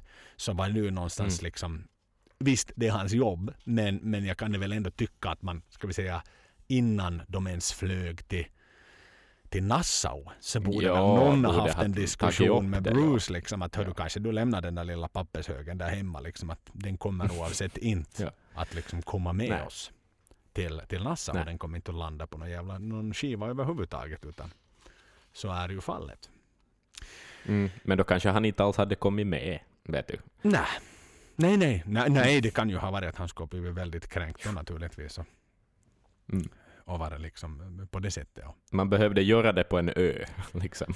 Så är det ju. Och, och, och någonstans skipping forward a few years till 1992, det var hans sista arbete som han har gjort. Och hans sista arbete som han har gjort med Maiden var ju det att han, Mm. han liksom bestämde då under Fear the Dark skivan att ja men vet du vad, det här är en bra skiva men, men nu börjar liksom nu börjar mina idéer och min, min kreativa förmåga faktiskt ta slut med Maiden. Och jag tror inte att det är rättvist för Maiden att jag liksom clinchar mig kvar och, och, och försöker göra det bästa av situationen och, och sådär utan Mm. jag, jag behöver gå vidare i livet och nu tänker jag faktiskt gå i pension. Det är det som jag tänker göra. Jag tänker inte hitta det där nästa bandet som vi var inne på tidigare utan jag, jag, jag, eh, jag slutar. Jag tänker gå i pension. Jag, jag är strax över 50 nu och nu får det vara. Jag har tjänat mina pengar så jag har råd Det- att leva livet. Mm. Det där är ju nog... eh, Det är ju nog fint. Tänk att kunna fatta ett sånt beslut och, liksom, Och och inte sen titta tillbaka. Som, och hålla sig till det, ja. Och, och liksom att det kommer inte att bli bättre än det här. Jag har fått jobba med saker. Han har ju fått se liksom, frukterna av de frön han har sått på det viset. Det Och, och det där, konstatera att det, ja, kanske det var där. Och, och, vilket spelöga alltså, som för, allt egentligen. Att bara som, alltså utan att ha något bevis för någonting då, om vi blickar tillbaka till det här uh, Machine Head, liksom Deep Purple, att faktiskt ha också det där modet och självförtroende att kunna sitta i en studio och konstatera att fy fan vad jävla bra det här är Mm. och sen också lita på det. Och samma sak då med, med liksom Maiden också. Att, att liksom... Och sen också kunna lita på att nej, nu är det nog över på något vis. Ja, Ehm, och som faktiskt på något vis slutar på topp. Alltså visst, det var ju lite på väg neråt. jag Ehm, tänker att vi kan traska lite kvickt Mm. här eh, igenom så att säga skivorna han ändå gjorde med Maiden och bara på något sätt lite sådär kort ge en touch över, över hans jobb på dem och, och den resa han Mm. ändå gjorde med Maiden. Men, men precis som du säger, ja, han förstod att gå vidare och än en gång sådär jossittelua som alla svenskar idag vet. Mm. Alla, alla svenskar idag vet att ej saa peitä betyder får ej täckas och, och alla svenskar vet som, som lyssnar på Maiden-podden idag vet att jossittelua betyder att what if betyder det, det vill säga att Mm. man tänker att hur hade det, vad hade det hänt om stjärnorna hade stått annorlunda men sådär igen, låt oss nu en halv sekund, bara en halv sekund leka med tanken att han hade fortsatt och det hade blivit X-Factor för hans del och Bruce hade slutat för han har ju ändå påpekat att han hade fattat sitt beslut långt innan Bruce slutade att det hade ingenting att göra med det. Men säg då att han hade proddat istället för att Nigel och Steve hade varit och, och, och roddat i X-Factor sådär att nu hade det ju på ett, blivit någon annan typ av, av, av skiva, det hade det ju garanterat blivit men, men vilken typ av Mm. skiva hade det blivit men, men igen jag tror ju att han han är, han är så, så pass kompetent så han hade, han hade det där spelet och han hade den här visionen och se att mm, fan ändå, liksom nej, jag vill sluta här uppe, jag Mm. vill sluta på toppen istället för att liksom, jag, jag, nej, jag, jag vill inte sjunka med det här fartyget. nej, nej, precis. Så att alltså sådär, Ja. liksom igen, tittar vi, nu är det ett, ett avsnitt tillägnat Martin Birch helt och hållet det här och inte tillägnat egentligen kanske Maiden jättemycket utan, utan sådär, jag, jag Mm. bugar och bockar och lyfter ju verkligen på hatten till liksom Martins liksom professionella egenskaper här. Och att han igen, han Mm. gick inte vidare till nästa häst. Det var inte så att han gick vidare och började prodda Metallica eller gick tillbaks till Priest Nej, nej, på nej. något sätt sådär vet du. Nu Försöka jaga Mm. någon typ av revival hos Priest utan, nej men vad fan.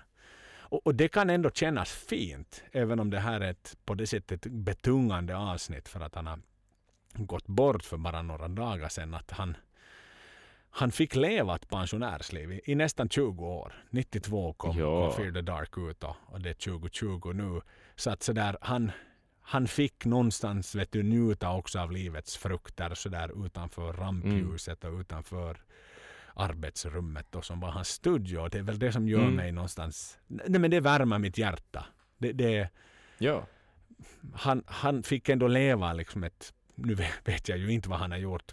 En, enbart vad jag vet är att Steve alltid liksom kommer tillbaka till och muttrar med att he wanted to play golf or something. Som alltid Steve säger. Mm. Liksom sådär. Men säg att han Ja, spelar precis. golf så att han, han fick sina rundor. Han fick ner sitt handikapp. Han fick se sina olika countryclubs. Och, Mm. och han ger ju alltid ett så underbart intryck också. Du vet, han är ju ändå med i en hel del liksom, de här History of Maiden och sånt här. Och, och sitter och Mm, berättar. mm. Jävla gentleman liksom. Alltså, Ja, ja, ja. ja. så här stilig, rejäl, inte alls bortsupen utan liksom på något sätt en sån här jäkligt professionell, skön snubbe. Mm. En sån här ja, som man- det är ju det vad alla har twittrat om också. Liksom. Det är ju nästan i allt, alla beskrivningar av honom så är det just den där hyggligheten och gentlemannastilen som på något vis kommer fram. Så att, ja, precis. Och det är väl det som liksom är.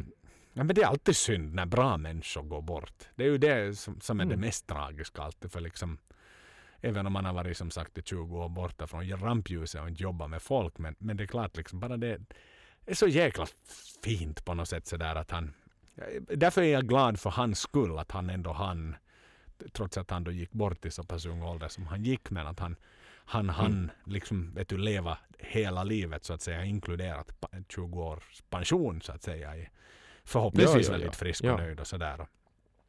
Mm. och, och den delen det grottar vi inte i. Sånt, sånt, sånt är liksom är inte med den, med den poddens liksom, vi har inte löpsedlar vi jagar här. Men om vi, om vi ändå Nej, tillåter nej, nej. oss att sådär avslutningsvis bara, bara kasta någon typ av intryck kring allt Mm. han gjorde för Maiden. Och, och då börjandes med, med Killers. Liksom, nu har vi inte läst på så mycket. Som sagt, vi hade en, en Först och främst hade vi tänkt göra ett helt annat avsnitt. Så, så att eh, vi är Mm. lite sådär halvdåligt pålästa på det här avsnittet. Men Killers har vi gjort. Och, och, och känslan Mm. att Martin kommer in. Vi gjorde till och med Iron Maiden till och med långt liksom, senare. Så att så där vi borde kunna ha en typ av jämförelse vad, vad Killers är. Vad är din spontana sådär Martin, Martins bidrag till Killers? No, alltså det är ju som första skivan fast Alltså, det är som första skivan fast bättre producerat. Det är mer tyngd, mer råhet, mera gitarr, mera krispigt, klart sound. Um, i, i, I en mer genomarbetad skiva, en mer genomarbetad ljudbild. Eh, det är det ju, och en fantastisk jävla skiva är det ju förstås, det kan vi ju inte, uh, får man ju inte glömma bort. Men det är väl det, om man, om man jämför med första skivan, alltså det, det är kvalitet, det är bättre kvalitet. Nej, exakt. Jag minns Prodigal Son, minns jag att vi liksom tyckte väldigt mycket om den akustiska. Det hade ju sådär, Mm. Säkerligen hade han ju gett liv till exempel i Remember Tomorrow från första skivan som vi också var väldigt euforiska Mm. med liksom, och glada över att liksom, man såg Pauls register i. Liksom, den, den hade ju Mm. säkert ytterligare lyst ännu starkare med Martin. Mm. Eh, om, om den till exempel hade laddat på, landat på, på skiva nummer två. För att det är ju liksom en sån ja, icke ja. Maiden-låt. Den är inte liksom rätt fram och den är inte röjig och den är inte hård på något sätt utan där kommer Nej, liksom det här nej, det, When a blind man cries någonstans uh, Purple så där, där hade Mm. han säkerligen kunnat få fram ett annat typ av känsla hos Paul tror jag också. Som han ju ändå lyfter Ja. fram väldigt duktigt i, i Prodigal Son naturligtvis. Tittar vi på, jag tänker att Number of the Beast, liksom, no, det är ju trendsättaren. Men, men sådär, ge, ge bara vet du, galoppera lite en stund fritt. Lå, låt din känsla ta över här. vad så- Nå, Det är ju... Soundmässigt så är det ju så nära på perfekt som man kommer. Um, jag försöker tänka på vad han har liksom gjort bakom spakarna. Men, men där är det nog kanske ändå liksom att det hans, hans största fotavtryck är väl nog den här, som, som vi har talat om redan i det avsnittet också, alltså mera det där vad han, vad han, vad han har att jobba med med Bruce och hur väl han förvaltar Bruce som ett verktyg. Liksom. Eh, och sådär, att, att just kanske då den här psykologibiten och den här berömda storyn om fyra timmars slit för att få det lite bättre. Liksom. Att det är arbetsmoral bara på något sätt. Mm. Nej men det, alltså, Ehm. jag håller helt med. Soundmässigt det är ju liksom en, en ofantlig uppgradering från både debuten och från Killers. Eh, Mm. Allt smattrar på så elegant. Liksom trummorna Ja. blir inte krispigare men de blir liksom allt, allt blir fylligare. Alltså du har liksom finns, jag, nu, nu är jag på det sättet, jag har, inte, jag har bara varit, jag har erkänt det tidigare, jag har bara varit två gånger in i studion. En gång gjorde vi en snabb sån här helgdemo, den andra gången var vi ju, men sinnessjukt dålig. Typ liksom Åbos motsvarighet till Will Malone. Som vi hade med oss.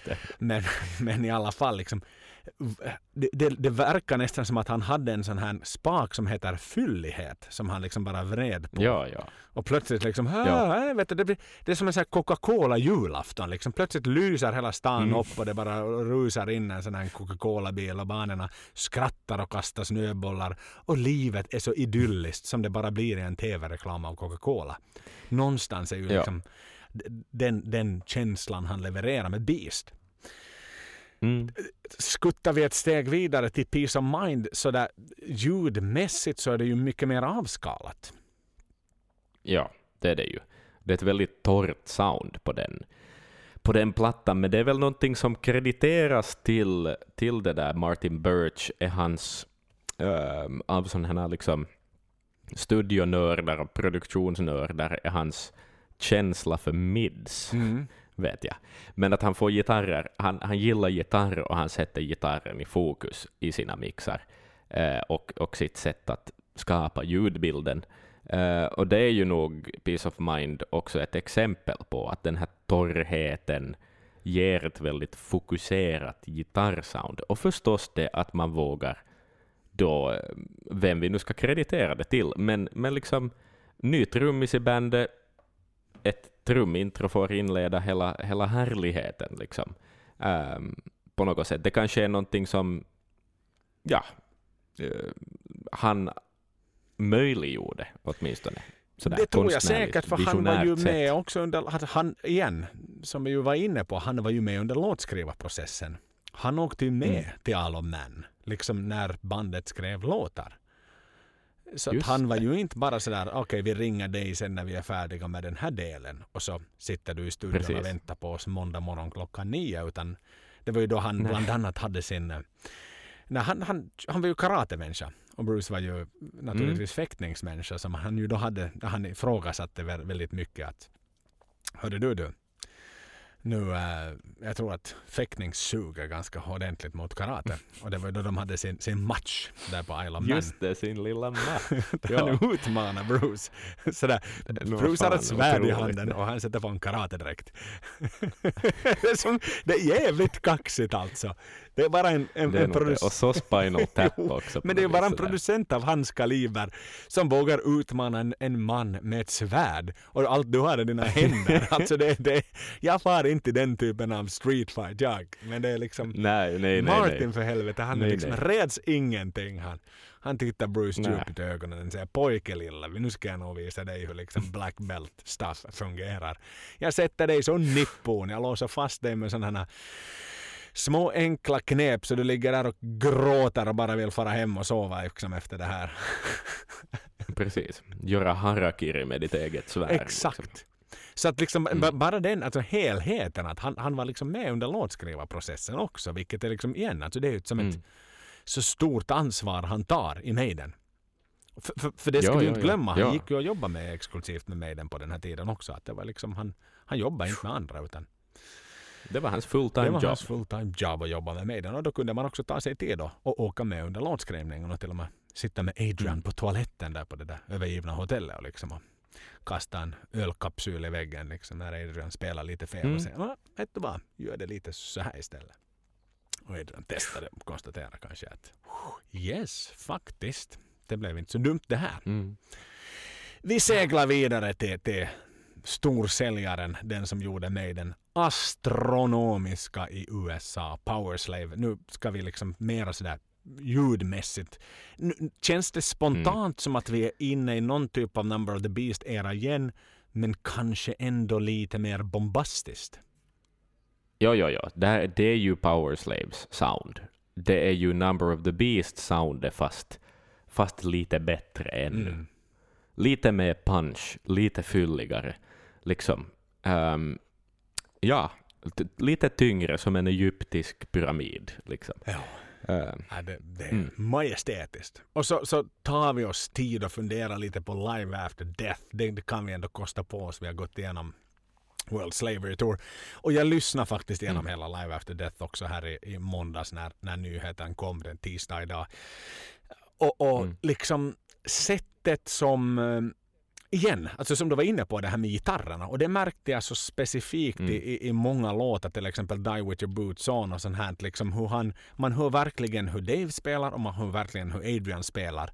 Och, och det är verkligen liksom två, det, det det centrala elementet i den vänstra högtalaren och det andra det centrala elementet i den högra högtalaren är just gitarrerna, speciellt i de melodiska delarna.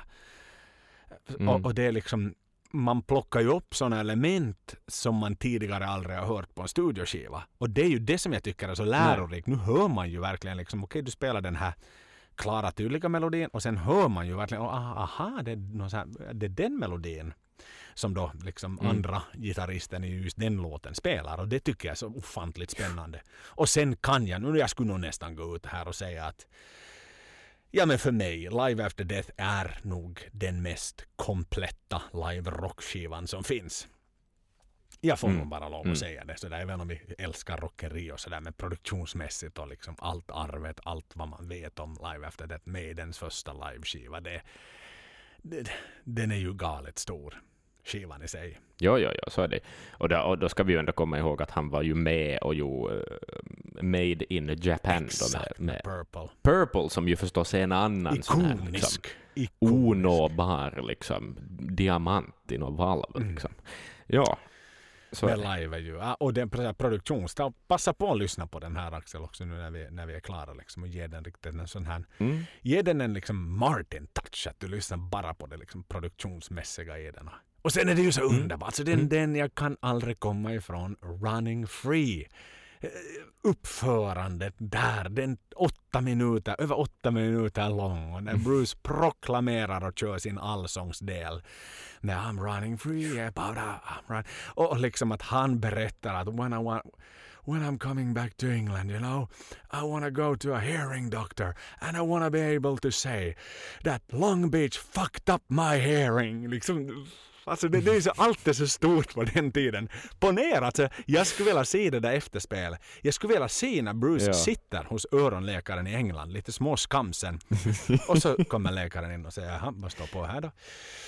Uh, Long Beach fucked up my hearing. alltså riktigt anklaga till läkaren liksom. Men stolthet. Jo, jo, jo. Ja, fy fan Ja, vad det var underbart. Det var, det var så rock'n'roll på den tiden. När är försvann. Det. Jag gillar helvete ändå. Jo, jo, jo, precis. Nej, men det är ju liksom I just wanna make some eardrum Ja. bleed. Liksom. Det, det, ja, det, det, rocken var en Ja, det annan var sak på roligare den på tiden. den tiden. Har varit inne på det tidigare och Ja. han fick vara en stor del av det. Sen är vi Mm. inne på det, det avsnitt vi, vi lite ta, eller det album vi talade lite tidigare om, Somewhere in Time. Alltså, this, the big synthesizer thing. Det måste ju ha varit någon trend Mm. han kände efter. Ja, ja. Vi är inne i mitten av 80-talet. Det här kommer att vara liksom... Synten har varit en ny sak. Det måste komma in i hårdrocken också på något vis. Um, jo, jo, men han är ju ändå den som på något vis har... Kanske det då är Adrian som har hittat denna magnifika teknologi. För om jag minns rätt så Men- testade då under den tiden ehm, då förstås i och med att Bruce hade gått in i väggen och det var ju då i samma veva som, som eh, vad heter det, entire population of Hackney-bandet bildades. Så det var ju då Precis. de, liksom, både Adrian och, och Dave var väldigt ivriga med att prova sig fram. Liksom, Hej, vi har fått en, ett paket Mm. med en massa nya pedaler här. Det här var ju lite coolt. Mm. Men jag antar att det liksom, Precis. säkerligen har Martin var liksom involverad i det där att nu ska ni testa de här pedalerna. Ja, ja, ja. Och framförallt kanske också godkänna det. Vet du. Och vara med och liksom fatta det beslutet. Okej, nu men vad fan, Mm. vi kör på det här. Definitivt. Guitar synthesizers, det ska vi ha. Det ska vi ha och det ska vi köra på med och det här är liksom det här är andra halvan av 80-talets melodi. Nu behöver vi göra någonting annat Mm. än bara ren och skär kraft och ren och skär power. Nu behöver vi plocka in ett nytt typ av element. Vilket ju än en Mm. gång fortsatte på eh, på Seventh Sun, även om då så att säga guitar synthesizers ju då ganska snabbt var, var det lite konstatera han att det inte riktigt flög för mer än en skiva. Utan man då bytte ut den Mm. mot mera traditionella syntar. Ja, det måste ju vara så. Och det är ju ändå liksom, det är ju en teknologi som inte har levt kvar något sådär fruktansvärt mycket. Det har ju, det har ju en gimmick value liksom idag, men att inte hur många, hur många det där en guitar synthesizer enthusiasts känner du Men Joel? inte en enda. Sådär inte en jämfört enda. med normala gitarrister. Jag har nog aldrig hört liksom. någon som har Nej, spelat med guitar synthesizer. Men det finns ju säkert någon Facebookgrupp. Och inte, kanske inte på svenska, men i alla fall på engelska. Us who love guitar synthesizers. Och så sitter Precis. man och Vi, vi som aldrig lämnar bort Nej, men exakt. Vi som aldrig lämnade 1986. Nej, precis. Ja. Så kan det ju gott och väl Så är det, ja. Men man, man gick in och igen, produktionsvärde i Seven Sun och Seven Sun, det är ju hur ger det mig vad mycket nytt där kommer också i form av liksom Ja. akustiska element och, och, och, och liksom stora spännande episka sagor. Förstås naturligtvis, vi hade det med oss Mm. från Power Slave men liksom mm, det är ju en helt Mm. annan liksom audioatmosfär i Seven Sun än vad de har gjort, gett sig in Ja. i tidigare. Uh, ja, men liksom på något vis just, man, man ser lite ett mönster att, att om eh, på något vis Power Slave är liksom en, en soundmässigt perfektionerad version av Number of the Beast och sen har vi liksom Seventh Sun på något vis är, är den där lite mer slipade varianten av Somewhere in Time. Att här ser man ju också det här idén om att jobba långsiktigt med ett band, att kunna liksom gå vidare. Vad skulle vi kunna göra bättre med det här och liksom utveckla?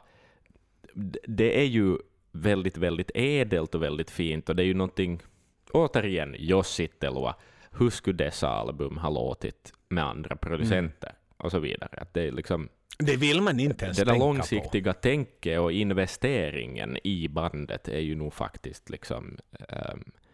vi, det har vi liksom... Maiden har, tror jag, så mycket Martin att tacka för det. Att han åtog sig det och investerade liksom en så stor del av sitt liv i att jobba med ett sånt Mm. band. Ehm, mm. Nej, det, det är ju liksom, det är anmärkningsvärt. Jag, jag, sådär, än en gång i dagens värld, snabbt in och snabbt ut och nu var ju senast, Mm. alltså vad heter han nu den här vdn för Spotify? Ja, Daniel Ek ja, han var ju ute och rövhåla sig. sig om liksom att man behöver det inte. Om de bara lägger tillräckligt ofta ut musik så, så finns det nog pengar att tjäna här och sådär liksom. Men, men om du tänker... Så har han pengar att tjäna, det är ju det han är ute efter. indirekt liksom. Men, men det där Ja. det var, det var fan ett Ja, ja, ja. bälte på alla. Liksom alla sko- jag menar vilken beroendeställning han ändå är till musikanterna där ute. Ja, ja, ja, definitivt. Liksom. Men nu ska vi inte beblanda in en kapitalist Nej, som honom i det här mycket ädla avsnittet. Men jag vill, vad jag vill påstå liksom igen sådär i dagens värld när man snabbt plockar in liksom Max Martin, en fantastiskt duktig producent, men, men man proddar en låt eller man proddar en skiva för att få en hit. Mm. Men liksom, finns, det, finns den liknelsen att du har liksom någonting som sträcker sig från 1981 till 1994 idag? Att du låser in dig under en över tio års period med en och samma producent. Alltså det... Jag har... Nej, men- det är nog... Jag kommer inte på så... Nej, alltså säkert finns det något just det här något litet bluesband Nå, jo. från Larsmo som har liksom jobbat med samma för att det inte finns andra att att ta. Vet du. Men, men det här är ju en annan sak. Det här är en väldigt, väldigt... jag- jag kommersiell kommer inte på maskin. något annat band som jobbar på det här sättet. Alltså, ja, exakt. Som jobbar på Mm. det sättet. Det hemskt spännande. Ja, är det är väldigt unikt. Um, det är väldigt. Men vi tar steg, vi kostar på oss att ta steget vidare. Här blir det kanske den största förändringen i Martins tid. När man då går Mm. från det fylliga, raffinerade soundet från Somewhere till Seventh så går man ner till det nakna bare bones av No Prayer for the Dying. Mm. Producentmässigt måste det ju ha varit lite, ja, vad ska man säga? Tufft eller enkelt. Det är sådär kanske tekniskt enkelt för då är det bara okej glöm allt vad du har lärt dig och gå tillbaks till ruta ett. Men sådär, Ja, med viljemässigt, konstnärligt sett liksom, så är det ju... eh, ja, att, att gå tillbaka och lita på att, att det är Mm. rätt. för de har varit och är väl, svängt så eh, in i helvete. Det, det är ju en... Det, jo, jo, jo, det, precis så är det. Det är ju helt onaturlig liksom, vändning på Ja. det sättet. Att, eh, det känns som att här, han har fått lära sig och lära sig mer och utveckla någonting nytt och någonting nytt Mm. på det viset. Men att, nåja, kanske en del i en ut, personlig utvecklingsprocess också är att kunna göra Ja, sådana här och kunna släppa på allt det och sättet. någonstans bara konstatera att nu ska Mm. vi liksom stiga ombord på det där rymdfartyget och på riktigt åka ut till galaxen. Liksom. Nej. nu, nu är Precis. igen. Det går i cykler. För Fear the Dark igen, då är det Ja. ju liksom eh, gammal välkänd mark på något sätt. Så där vi har inte tagit det avsnittet heller. Men, eh, men igen, det följer ju Mm. så att säga lite samma stilistiska språk som No Prayer for the Dying naturligtvis med liksom barebone och nakedness och sådär. Och Mm. Bruce sjunger på samma raspiga sätt. Det sista han ju då gjorde som producent var ju Maiden England från 88 då som han eh, så att säga, eller sista och sista men det var liksom det som, som gavs ut 1994 som han ju proddade live också så att två stycken live-skivor och nio stycken skivor live eller nio stycken album med Iron Maiden. Precis. Ja. Jag tänker att det här är inte ett avsnitt där vi börjar fiska efter Patreon så det här är inte ett avsnitt där vi fiskar efter följare men jag tänker att vi ska Nej. Någonstans själva reflektera med några nå- vi, har, vi har reflekterat mycket men, men, men jag, jag vill bara någonstans beskriva liksom att den den magnitud som Martin hade för, för mig. Den och, och, och än en gång, vi ska inte glömma att Metal 2000, om du minns från förra avsnittet, så ryktena till och med från fansen var ju att snälla, kanske Martin kommer tillbaks. Nu blev det Kevin. Alltså liksom bara liksom hos fansen, Mm, vilka, ja. vilka liksom hjärtan han hade fångat där. Så att, Mm. Ja, men han var, ju syn, han var ju synonym med The Maiden som en gång var, och han var ju en del av deras framgång. Och liksom, ehm, så är det ju, liksom en sån där osynlig mm. extra medlem lite också på något vis. Sådär. Ja. Så att absolut, Ha- han var, ju, han var ju med och gjorde det bra och då är det väl man vill ha tillbaka. Så var det ja. Jag tänker att vi kan avsluta dagens avsnitt med att äh, citera de kondole- kondoleanser från Steve, Bruce och Rod som ändå dök upp i social media-flödet och på hemsidan alldeles när vetskapen dök upp till Maiden om att, om Mm. att Martin har lämnat oss. Så att eh, vi börjar med Steve här då säger att he was just absolutely brilliant. He wasn't just a producer. He was a hand-on, hands-on engineer too. So he knew how to get a great sound. He was also fantastic at motivating people. He just had a knack of getting the best out of you. He was also a really nice man. Great fun with a terrific sense of humor, and that made him easy to work with. We all got along with him really well, and the whole band is very saddened by today's news. Bruce Dickinson, though. To me, Martin was a mentor who completely transformed my singing. He was a psychotherapist and, in his own words, a juggler who could mirror exactly what a band was. That was his special talent as a producer. He was not a puppeteer. He did not manipulate the sound of the band. He just reflected it in the best possible way. Apart from all that, he was a wonderful, warm, and funny human being. Martin and I shared a passion for martial arts, he for karate, and me for fencing, which just gave us another bond too. I'm so very sad to hear this news. It is incredible that he has passed away at such a young age for a man who was so full of life. Och avslutningsvis, Rods kommentar. He was a fantastic guy who always shared a mutual respect with the band.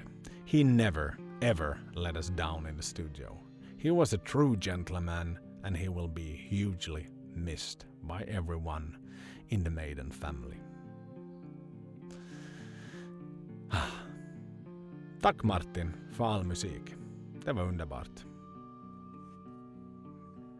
Ja, det är det. Tänk, eh, ja, man har fått dela, dela några år på samma jordklot som honom och det får man väl vara tacksam Vi säger vila i frid. Vi säljer jaga på sällare jaktmarker och tack för musiken. Mm. Die with your boots on. Mm. Puss och kram. Exakt. Up the irons.